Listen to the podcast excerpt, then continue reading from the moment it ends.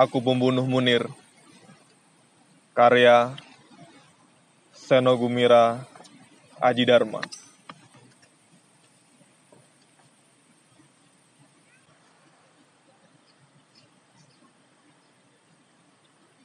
Aku adalah anjing kurap. Karena itu, aku membunuh Munir. Tentu, tentu aku tidak membunuhnya dengan tanganku sendiri. Untuk apa? Aku bisa membunuhnya melalui tangan orang lain, sama seperti yang biasa kulakukan kepada orang-orang lain bila mana perlu. Dikau tidak akan pernah tahu siapa diriku.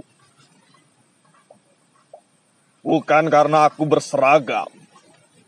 Sama sekali bukan. Ini bukanlah soal berseragam atau tidak berseragam. Karena membunuh atau tidak membunuh Munir tidak ada hubungannya dengan seragam. Dirimu dan siapa pun di dunia ini memang tidak perlu tahu siapa diriku sebenarnya. Bukan.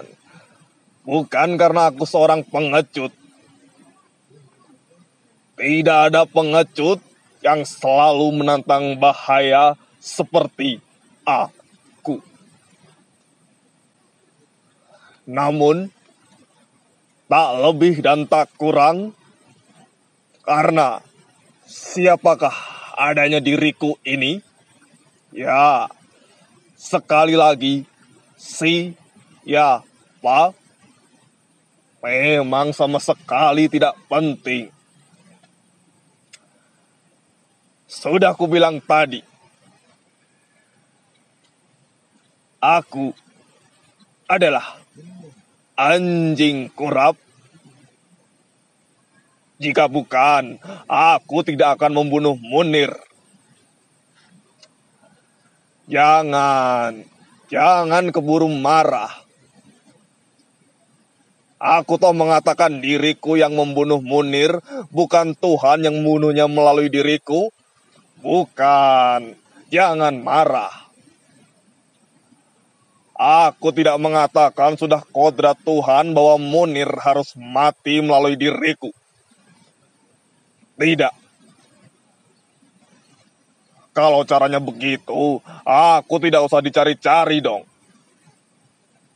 Aku juga tidak membela diri dengan mengatakan diriku gelap mata, kerasukan setan, atau segala macam. Tidak. Sekali lagi, tidak.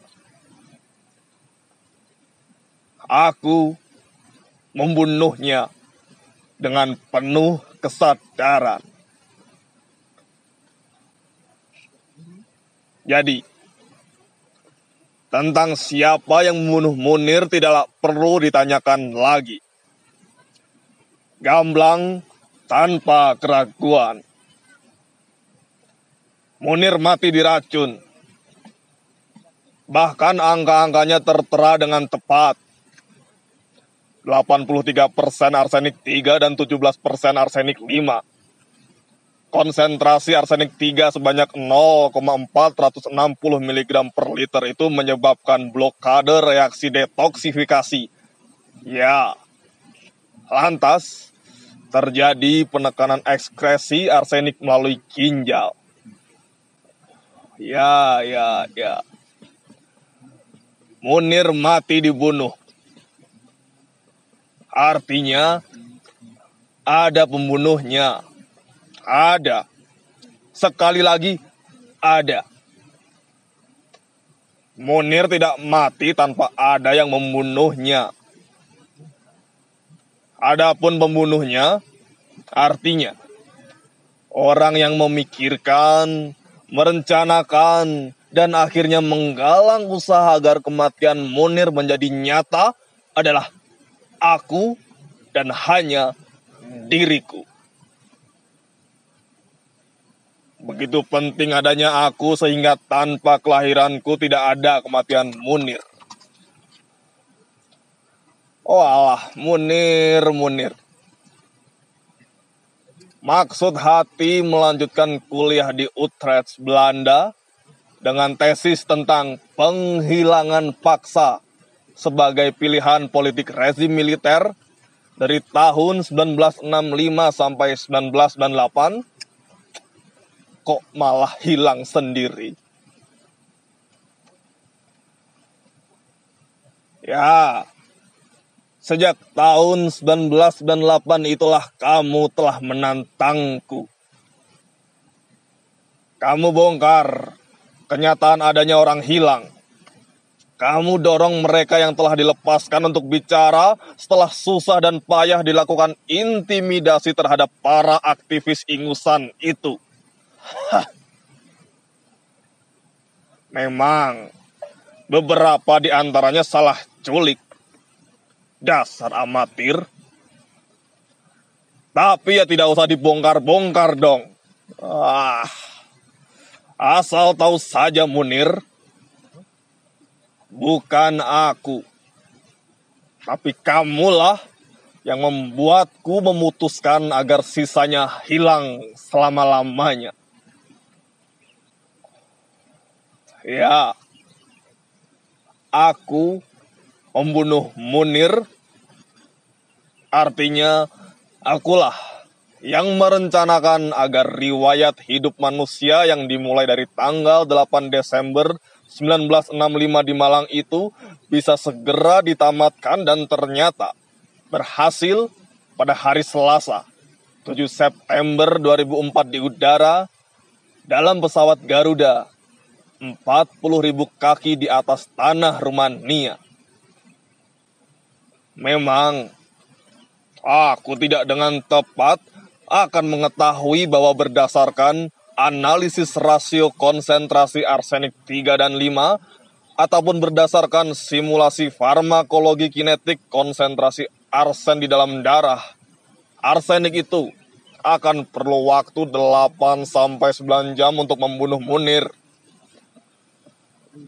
Tidak akan dan tidak perlu. Yang penting dia mati dan tidak berkoar lagi. Tentu, tentu. Ketika merencanakan agar orang kecil berkumis lebat yang sangat menjengkelkan ini koit, aku tidak merencanakannya sampai serinci itu. Jika aku tahu orang-orang Belanda busuk itu akan memergoki adanya arsen atau racun dalam lambung, darah, dan air kencingnya, Mungkin aku akan merencanakan cara pembunuhan yang lain. Tembak jarak jauh barangkali. Tabrak dengan mobil. Atau santet. Ya, kami kelompok yang melaksanakan proyek pengkondisian Munir pernah membicarakan ilmu Harry Potter ini bahkan menghubungi sejumlah tukang santet. Wah, tetapi rencana yang satu ini tidak pernah terlaksana. Dasar tukang kibul semua.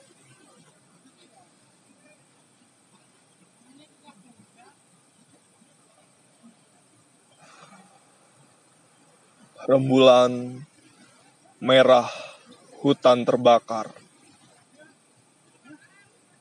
Sungai berasap terpanggang bumi. Siapa dia menghirup mawar, darahnya menetes bersama sunyi.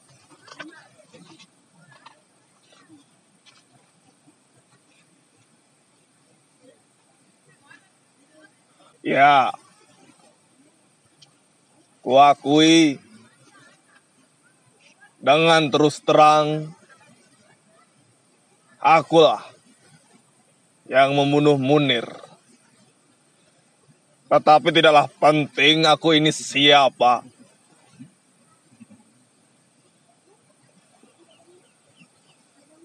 Seperti semua orang, aku juga dilahirkan seorang ibu. Aku tidak lahir dari pohon, tidak juga dari batu. Aku mohon percayalah, tidak sekalipun ibuku yang sama mulianya dengan ibu mana pun di dunia ini akan pernah mengatakan bahwa membunuh itu baik. Ibuku mencintai ayahku. Ibuku melahirkan aku, menyusui diriku, merawat, mengasuh, dan dengan penuh kasih sayang membesarkan diriku. Dan setelah besar, aku membunuh Munir.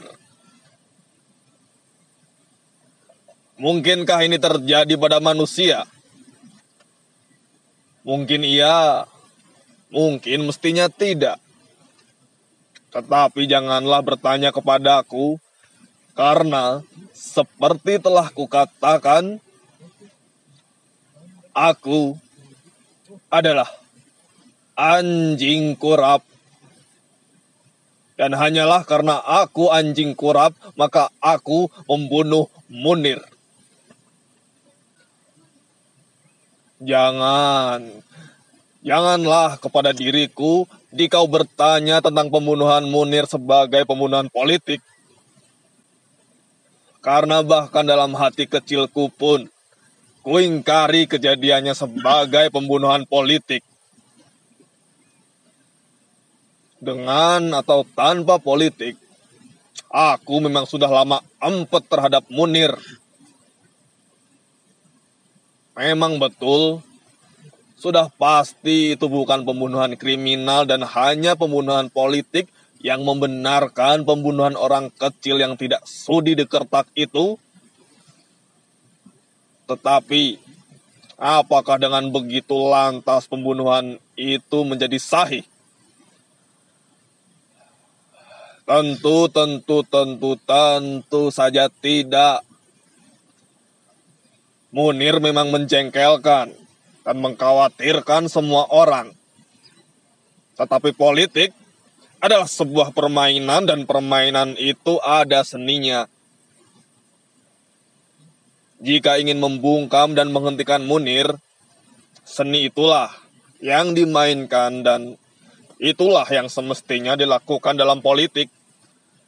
Ngomong di sana dan ngomong di sini ngomong begini dan ngomong begitu.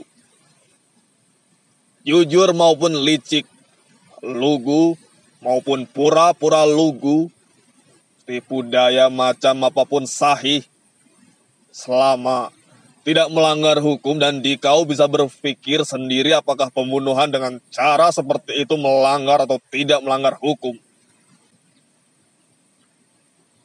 Betapapun di antara semua orang yang akan kebakaran jenggot itu, tidak ada seorang pun yang berpikir, merencanakan, menggalang, dan melaksanakan pembunuhan seperti diriku. Hanya satu orang yang melakukan semua itu, yakni aku, dan tiada lain selain aku. Tentu dengan sejumlah pembantu yang goblok Ah, maafkan bahasaku ini. Memang goblok. Aku pun mesti ngibul supaya kelompokku ini bisa bekerja. Ya, kelompok orang-orang bego yang tidak bisa membedakan antara terpaksa membunuh demi bela diri, bela negara, dan pembunuhan politik buat mereka. Cukuplah diberi alasan bahwa Munir harus mati sebelum pemilihan presiden. Dan sungguh mati itu hanyalah omong kosong saja. Munir mati atau tidak mati tidak akan mempengaruhi jalannya pemilihan presiden sama sekali. Kukira, ya kukira, mereka terbawa angan-angan yang dibawa film detektif bahwa kerja intelijen itu kok rasanya kurang afdol tanpa menumpahkan darah. Dan tentu saja itu salah. Mereka yang menjalani kerja intelijen tahu benar. Lain film, lain pula kenyataan. Aku memang bukan kritikus film.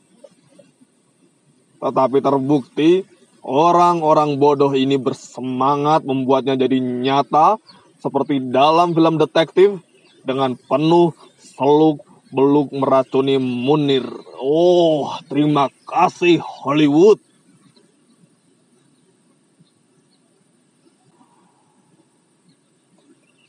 Dikau tentu terkejut dengan pengakuan saksi kepada polisi yang telah dicabut itu. Pengakuan yang disampaikan tanpa paksaan sama sekali. Ya, dicabut tapi sudah terlanjur dikatakan yang meskipun dengan segala kekonyolan sahih saja menurut hukum sebagai pengakuan yang telah dituliskan tak pernah dapat ditarik kembali. Sudah tertulis dengan aksara dan bahasa yang telah disepakati bangsa. Tercetak, diperbanyak, dan beredar. Mengendap selamanya dalam catatan sejarah. Ya, jika dikau cukup berbudaya, dikau akan merasakan sesuatu yang kurang sepantasnya kita mengetahui. Betapa racun itu sudah diujikan kepada seekor kucing. Kalimatnya tertulis dengan jelas. Dikasih ke ikan asin, dimakan kucing, kucingnya mati. Lalu dilanjutkan sebuah pesan. Racun ini tidak boleh kena orang lain selain Munir. Ya, diucapkan seolah-olah merupakan perbuatan yang baik. Ya, ya, ya. Memang betul. Tentu saja tak bisa lain bahwa banyak yang senang, bahkan sungguh-sungguh bahagia tanpa pernah merasa perlu berterus terang dengan kematian Munir. Itulah mereka yang ikut teruntungkan karena kepentingannya yang terselamatkan. Kepentingan apa? Ah, entahlah.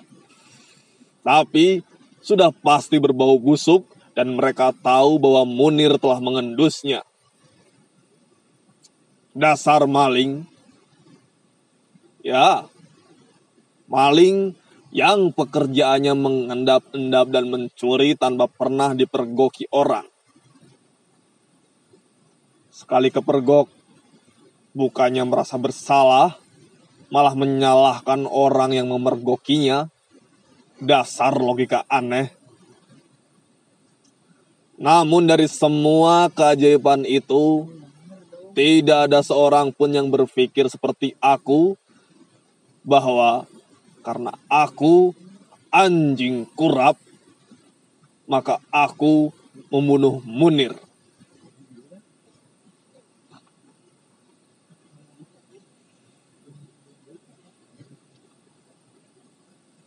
Rembulan menghitam di langit malam. Lelawa terjatuh, tiada pegangan. Dingin angin menebarkan dendam. Bisikan maut menjelma kutukan.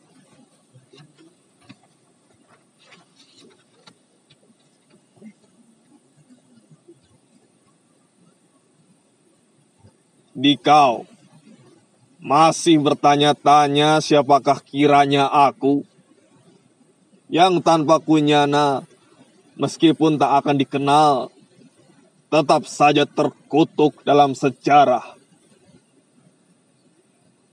Karena dalam kenyataannya, Munir terpuja sebagai pahlawan. Bukan, sama sekali bukan.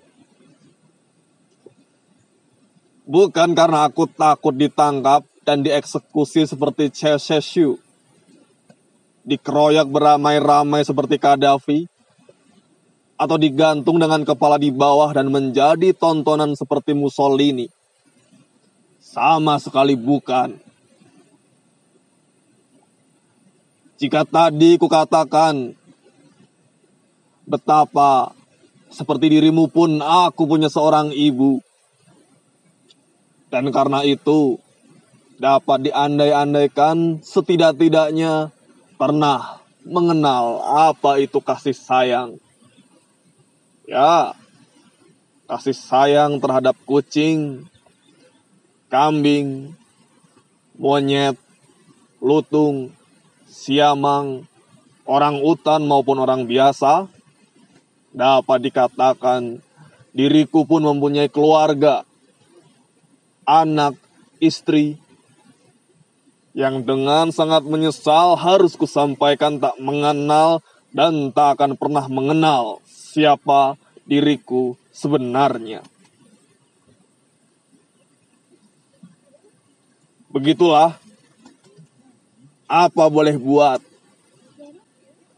Istriku terlanjur mengenalku sebagai suami yang meskipun barangkali tidak terlalu baik, barangkali juga tidak terlalu buruk,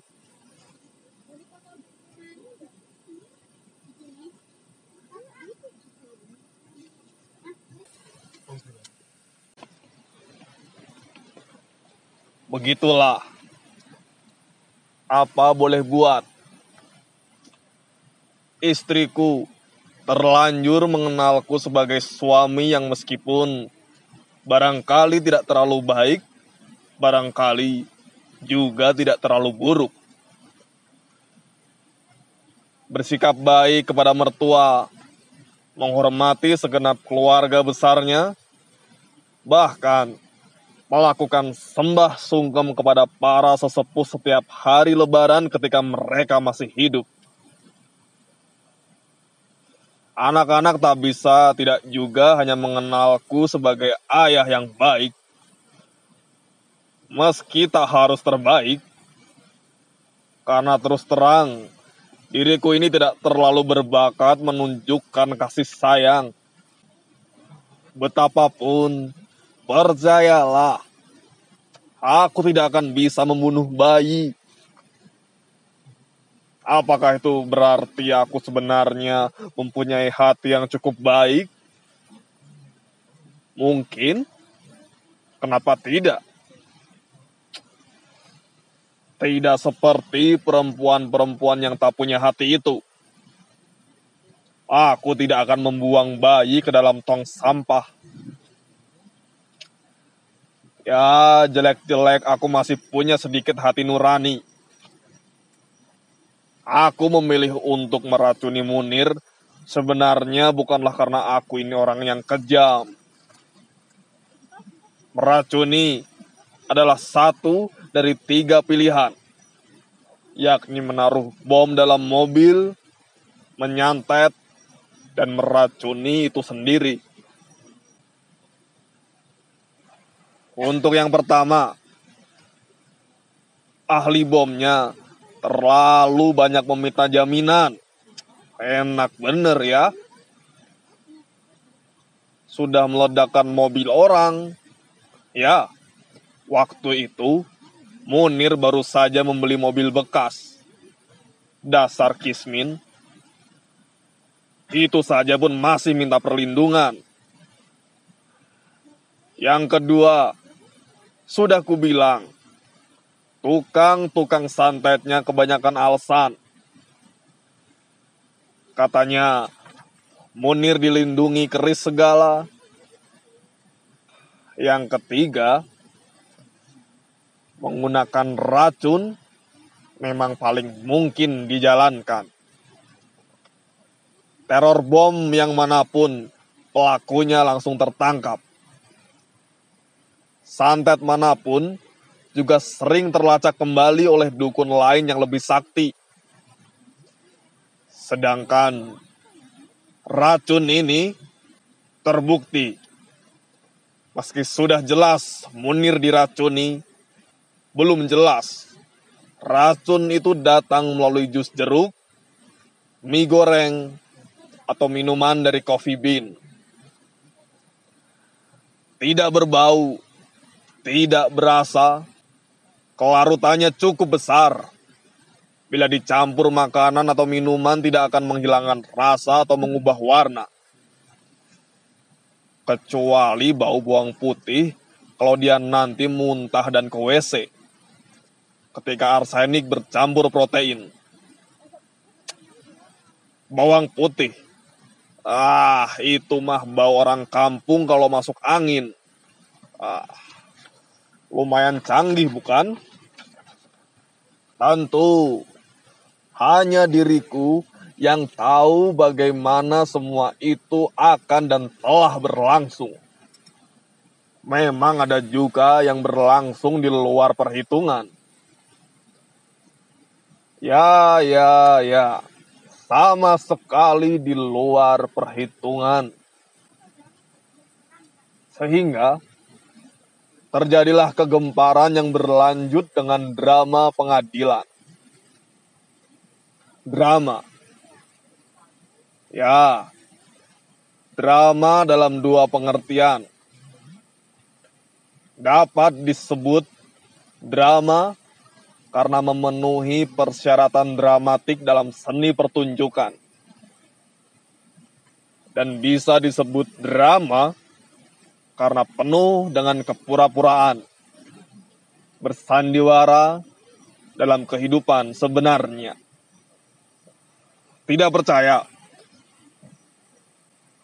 Ikutilah kutipan percakapan jaksa dengan saksi yang sudah beredar luas ini.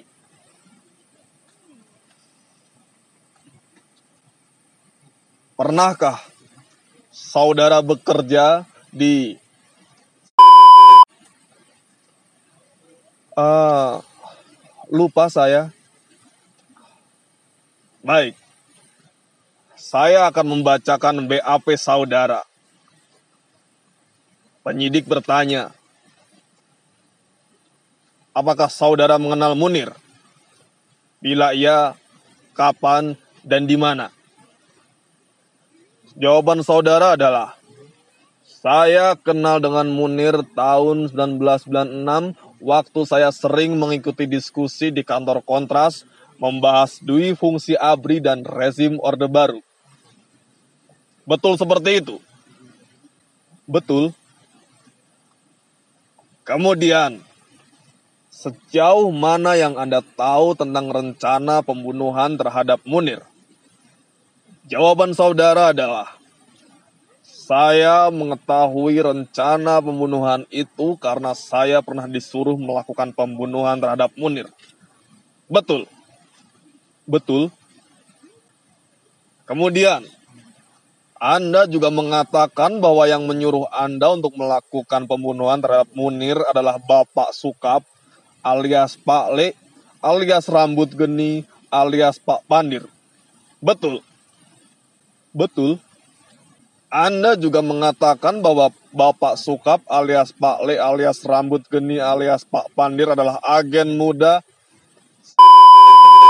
dengan golongan 3B pada Direktorat 7 Deputi 2. Betul.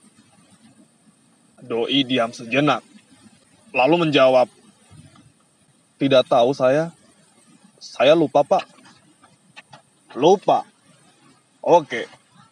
Sekarang pertanyaan nomor 9. Dari mana saudara tahu bahwa Pak Sukap adalah anggota Saya mengetahui Pak Sukap agen dari ruang kerjanya di gedung 10 Direktorat 007 lantai 2. Di mobil Pak Sukap terdapat stiker dia juga memiliki kartu tanda anggota Betul. Lupa saya, Pak. nah, aku tidak terlalu keliru, bukan? Bahwa percakapan semacam itu merupakan sandiwara yang sungguh-sungguh nyata? Tentulah, aku terlibat dalam penyutradaraan sandiwara semacam itu. Tetapi janganlah terlalu cepat menebak dan menduga siapakah aku. Karena meskipun memang akulah sebenarnya sumber segala sebab kematian Munir, siapakah diriku ini sama sekali tidak penting. Di kau tidak akan pernah dan tidak perlu mengenal diriku. Tetapi tempatku di dalam sejarah sudah tertunjukkan dengan jelas. Memang, apa boleh buat, bukan di tempat Munir.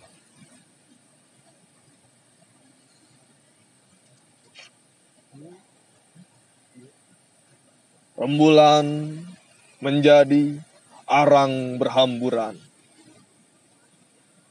Langit kosong tergelar menghapus bintang. Ada tikus celingak-celinguk dalam selokan, suruling dangdut, pengemis bergoyang.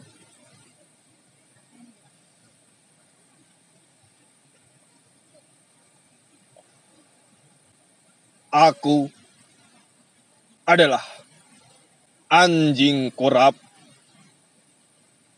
Karena itu, aku membunuh Munir. Namun, jika ku sebut makhluk Tuhan yang disebut anjing, itu bukanlah aku.